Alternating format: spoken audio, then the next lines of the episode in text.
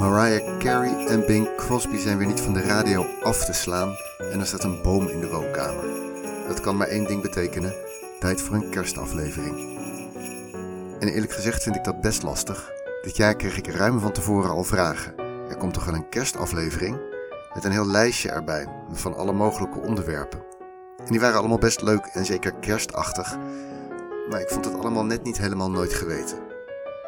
Een mooi verhaal rond kerst is natuurlijk het verhaal van de kerstbestanden in de Eerste Wereldoorlog, waar de Duitse en Engelse soldaten, koud en verkleumd elk in hun eigen loopgraaf, elkaar kerstliedjes hoorden zingen en uiteindelijk de wapens neerlegden en samen kerst vierden. Een paar uur vrede in een van de grootste bloedbaden van de 20e eeuw. Maar eigenlijk denk ik dat dat verhaal misschien een beetje te bekend is voor nooit geweten, dus dat doen we niet. Maar het deed me wel denken aan een ander verhaal dat ik al wat langer geleden opgestuurd kreeg. Dat ook speelt in een grote oorlog en waar ook een opmerkelijk soort vriendschap lijkt te zijn ontstaan. Maar een waarschuwing vooraf: dit is geen verhaal met alleen zoetsappige en hartverwarmende kanten. Hier is Nooit Geweten, aflevering 78.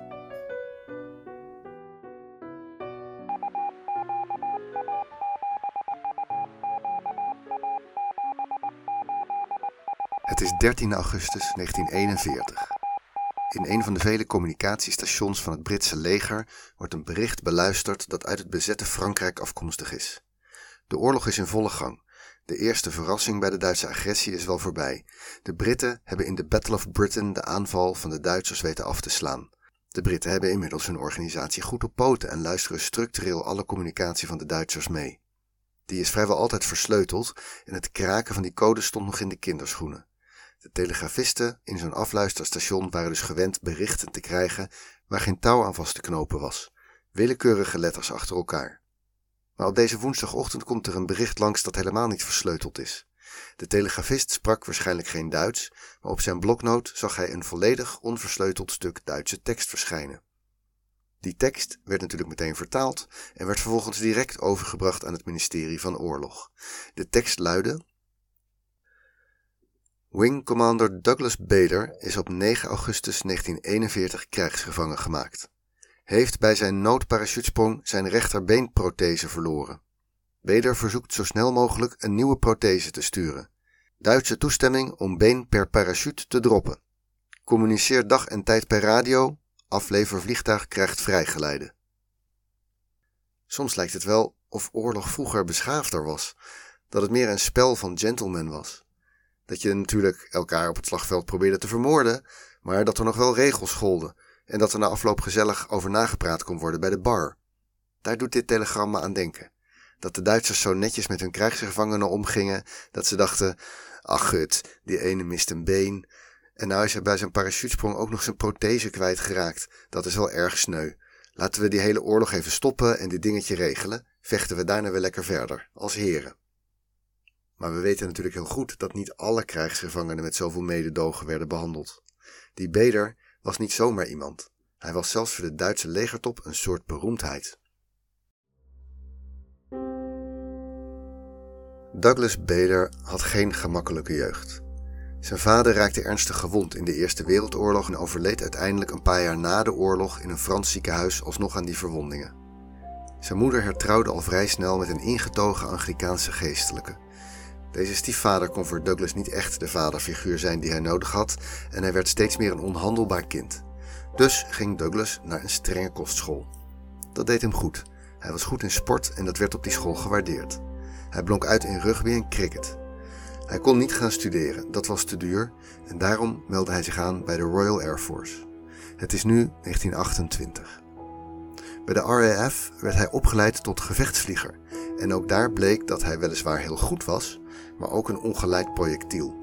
Hij begon al snel allerlei gevaarlijke stunts uit te halen. Bij de RAF waren ze daar helemaal niet happig op, omdat het ze ieder jaar wel wat goede piloten kostte. Hij werd herhaaldelijk betrapt op het overtreden van allerlei regels waarvoor hij voor de krijgsraad had kunnen komen, maar zijn commandant hield hem uit de wind en zijn carrière verliep voorspoedig. Een van de regels waar de RAF het meest aan hechtte, was dat je, als je dan toch gevaarlijke manoeuvres wilde oefenen, dat je dan niet lager dan 2000 voet boven de grond moest doen en dat je nooit lager dan 500 voet mocht komen. Maar ja, op 14 december 1931 Bij een bezoekje aan de vliegclub van Reading ging het toch mis. Waarschijnlijk was er een weddenschap in het spel of anders gewoon macho gedrag. Bij een stukje luchtacrobatiek raakte Beders toestel met de tip van de vleugel de grond. Eigenlijk was het een wonder dat hij de crash overleefde. Van het toestel was weinig over. Hij werd in allerijl naar het ziekenhuis gebracht waar toevallig een behoorlijk ervaren chirurg aanwezig was die zijn leven wist te redden. Wel werden zijn beide benen afgezet, één vlak boven en de ander vlak onder de knie. In zijn vluchtlogboek maakte Beder voor die dag de aantekening: Gecrashed tijdens een rolmanoeuvre dicht bij de grond. Slechte show. Ja, daar kun je natuurlijk wel lekker laconiek over doen, maar na een jaar revalideren, waarvan een groot deel drijvend op morfine tegen de pijn, en na het aanmeten van twee kunstbenen, besloot de RAF dat hij niet meer nuttig was. Hij kreeg nog een kans om te laten zien dat hij nog steeds capabel een vliegtuig kon besturen, en dat lukte ook prima, maar toch werd besloten dat Douglas Bader niet meer actief kon zijn als vlieger bij de RAF. Hij kreeg een invalidepensioentje mee en vond een baantje bij een oliemaatschappij die later onderdeel werd van Shell. Maar Bader had zijn tijd mee.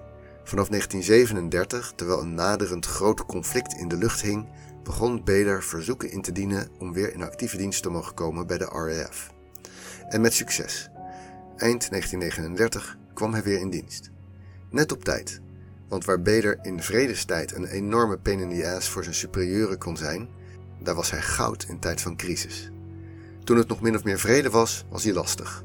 Stelde allerlei alternatieve tactieken voor tegen alle regels in, raakte nog een paar keer betrokken bij crashes. Eén keer was het maar goed dat hij geen benen meer had, anders was hij ze bij dat ongeluk alsnog kwijtgeraakt. Maar toen het oorlog werd, bleek zijn waarde. Nadat de Duitsers Nederland, België en Frankrijk in korte tijd onder de voet hadden gelopen, begonnen ze hun blitzkrieg tegen Groot-Brittannië. Dat werd een luchtoorlog waarin de Duitsers probeerden in korte tijd hun vijand met zware bombardementen op de knieën te dwingen. Maar in plaats van een walkover werd de zomer van 1940 bekend als de Battle of Britain.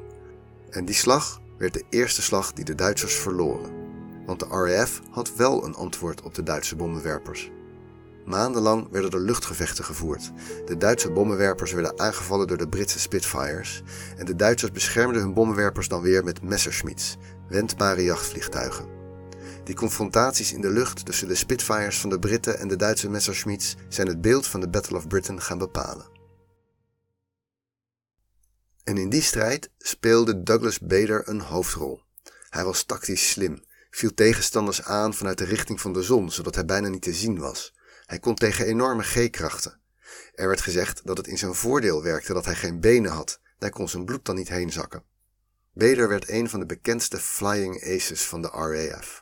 Zo word je genoemd als je als jachtvlieger vijf of meer tegenstanders in de lucht hebt uitgeschakeld. Bader haalde er minimaal 22 neer. Hij droeg ook bij aan de tactieken waarmee de Britten uiteindelijk succesvol in de lucht de aanval op hun eiland wisten af te slaan. Hij maakte dan ook snel carrière en tegen de tijd dat de strijd zich weer verlegde van Groot-Brittannië naar Frankrijk en het de Britten waren die dagelijks met bommenwerpers het vijandelijk terrein invlogen, geëscorteerd door groepen Spitfires, tegen die tijd had Bader zich opgewerkt tot de rang van Wing Commander. Dan geef je leiding aan meerdere escadrons van vliegtuigen die samen strijd leveren. En daarbij vlieg je zelf ook mee.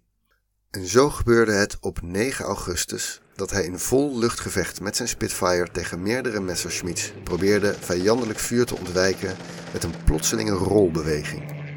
Er zijn verschillende theorieën over wat er precies gebeurde, maar Bader zelf hield altijd vol dat hij in de lucht een van de Messerschmitts geraakt moest hebben. Hoe dan ook, het toestel was zijn hele staart kwijt en een stuk van de achterkant van de romp. Het raakte in een neerwaartse spiraal en ging met hoge snelheid richting grond. Bader besefte onmiddellijk dat hij het toestel moest verlaten en met zijn parachute moest zien te landen. Hij gooide de kap af, zodat hij vanzelf door de sterke luchtstroom uit het toestel getrokken zou worden. Maar zijn rechterprothese bleef hangen onder de stuurknuppel. Bader zat vast aan het toestel met zijn prothese en de krachten waren veel te groot om het los te krijgen. In een laatste opwelling trok hij aan het touwtje om de parachute te openen. En met een enorme ruk trok de parachute Bader los van zijn prothese en daarmee van het neerstortende vliegtuig. Rustig daalde de parachute met daaraan het volledig gebutste en gemangelde lichaam van Douglas Bader met nog maar één van zijn kunstbenen. Dus zo kwam Douglas Bader terecht in een veld in Frankrijk met een missende prothese. Al snel viel die in handen van de Duitsers, die hem overbrachten naar een ziekenhuis in Saint-Omer. Daar werd hij een paar dagen later bezocht door Adolf Galland. Dat was een van de beste Duitse jachtvliegers. Ze hadden al vaak in de lucht tegenover elkaar gestaan en er was behoorlijk veel wederzijds respect. Galland had inmiddels ook een hogere rang en hij kwam Beder opzoeken met alle jachtvliegers onder zijn bevel. Het was ook Galland die met het idee kwam om de Britten gewoon te vragen om een nieuw been. Zij wisten wat de precieze maten moesten zijn en hij vond de aanblik van de grote held, de bekendste flying ace, zo met dat missende been, waarschijnlijk een onaanvaardbaar gebrek aan decorum. Galland bewerkte zijn superieuren en wist uiteindelijk Herman Geuring zelf zover te krijgen dat hij toestemming gaf voor het verzoek aan de Britten. En toen lag de bal dus bij de Britse legerleiding. Op zich wilden ze natuurlijk best iets doen voor hun gevangen held, maar het aanbod van de Duitsers om een vliegtuig vrijgeleide te geven zou ook kostbare propagandapunten voor de Duitsers opleveren. Dat ze die zielige Britten wel even een handje wilden helpen, gentlemen die ze waren. We winnen toch wel. Dus werd besloten dat er niet zomaar ingegaan zou worden op het genereuze aanbod van de Duitsers. Op 19 augustus meldden de Britten dat er die dag een vliegtuig zou opstijgen om in de buurt van Saint-Omer een pakket met daarin een nieuw kunstbeen uit te werpen aan een parachute. Zoals afgesproken. Operation Lag noemden ze het. En de Duitsers zorgden inderdaad dat het vliegtuig niet beschoten werd en zonder problemen tot boven Saint-Omer kon komen. Het been werd gedropt op de afgesproken locatie.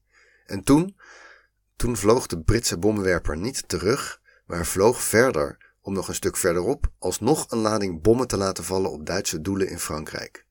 Niks herendeal. Het zicht op de doellocatie was alleen zo slecht dat uiteindelijk de bommen niet gegooid werden uit angst burgerdoelen te treffen. Dus keerde het toestel uiteindelijk alsnog met bommen terug naar Engeland. Het mooie nieuwe aluminiumbeen werd door de Duitsers opgepikt en naar Bedar gebracht. Die begon, zodra hij weer twee benen had, aan een lange reeks ontsnappingspogingen. Heel klassieke met aan elkaar geknoopte lakens en zo. Soms wist hij een paar dagen weg te blijven, maar telkens werd hij toch weer gepakt. Vaak omdat hij nou eenmaal niet goed kon rennen met zijn kunstbenen. Uiteindelijk werd hij overgebracht naar kasteel Kolditz in Duitsland. Dat was ingericht als een soort luxe gevangenis voor vluchtgevaarlijke krijgsgevangenen met een hoge rang. Ook daar hadden de bewakers hun handen vol aan Beder, die met brutale acties en klein verzet iedere keer weer in aanvaring kwam met de Duitse leiding. Na de oorlog werd over Beders belevenissen een biografie geschreven die later ook succesvol verfilmd werd, Reach for the Skies. Een typisch jongensboekavontuur over een held die de autoriteiten, Britse en Duitse, iedere keer weer tegen de haren instrijkt, voor niets of niemand bang is en uiteindelijk overal mee wegkomt. Een echte held dus. Er is een citaat van Willem Frederik Hermans, ik denk uit de donkere kamer van Damocles, en het gaat als volgt. Wat is een held? Iemand die strafloos onvoorzichtig is geweest. En inderdaad, zo'n soort held was Douglas Bader. Eigenlijk in zijn hele levensloop doet hij onbezonnen dingen en komt er tot op zekere hoogte altijd mee weg. Je beide benen kwijtraken is natuurlijk wel een tol die hij moest betalen, maar zelfs dan. Hij gaat tegen alle regels in, komt bijna om, wordt dan jarenlang verzorgd en gerevalideerd en weet vervolgens alsnog weer als jachtvlieger aan het werk te komen. Zijn risicozoekende gedrag is natuurlijk ook juist wat hem in de oorlog zo succesvol maakte. Er zijn omstandigheden waaronder dat een superkracht is. Maar bijvoorbeeld dat hele plan om gewoon even een nieuw been te laten bezorgen. Heel bijzonder dat het lukt, maar het pakt uiteindelijk voor een aantal van zijn collega's heel slecht uit. Want zodra de Duitsers merken dat de bommenwerper niet terugkeert naar Engeland, maar verder vliegt, ontstaat er natuurlijk een luchtgevecht. En daarin weten de Spitfires een aantal Messerschmitts neer te halen, maar er komen ook twee Britse piloten bij om. Terwijl er dus die dag toch te weinig zicht was om zinvol een vlucht te maken. Er is nog een ander soort helden. Niet onvoorzichtig, maar onbaatzuchtig. Mensen die op de achtergrond werk doen, omdat dat goed is en belangrijk. Die als vrijwilliger werken bij de voedselbank. Of die mensen in de schuldsanering helpen om hun administratie op orde te krijgen. Of die een oude buurvrouw in de straat een beetje in de gaten houden en zo nu en dan kijken of alles goed gaat. Al dat soort kleine heldendom, dat heeft niets te maken met ongestraft onvoorzichtig zijn. Dat gaat over medemenselijkheid En in die zin is natuurlijk de held in het verhaal van Douglas Bader niet Douglas Bader. Dat is Adolf Galland. Geen idee wat voor persoon dat verder was. Als je snel carrière maakt binnen de Luftwaffe als jachtvlieger, dan kleven er vast allerlei vlekken aan je. Maar in dit verhaal is hij degene die compassie en medemenselijkheid toont, die zich inspant om het leven van een ander, een vijand zelfs, dragelijker te maken, en die zich wel aan de afspraak houdt. Als ik nou toch een kerstgedachte mag meegeven, dan is het deze. Denk de komende dagen eens een beetje aan al die kleine helden. En verzin wat je kunt doen om dat soort medemenselijkheid te steunen. Misschien kan je zelf iets doen voor een ander. Misschien kan je een doel financieel steunen. Misschien kan je gewoon je waardering voor zo iemand uitspreken. Alle beetjes helpen en het is hard nodig.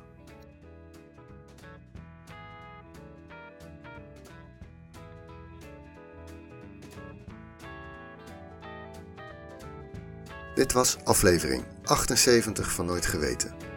De oplossing van de fotopuzzel was de pagina Douglas Bader in het Nederlands. Het verhaal van Operation Lang hoorde ik van Jan Jongboom. Bedankt voor die tip. Nooit Geweten wordt gemaakt door mijzelf, Teun Duinstee, en is een hommage aan Wikipedia. Ken je iemand die dit een leuk verhaal zou vinden? Stuur het dan door. Over twee weken is er weer een nieuwe aflevering en wie alvast wil weten waar die over gaat, kan proberen de Wikipedia fotopuzzel op te lossen. Die vind je in de show notes. Dank aan alle Wikipedianen die hebben gewerkt aan de onderliggende artikelen en ook aan jou voor het luisteren. Tot over twee weken.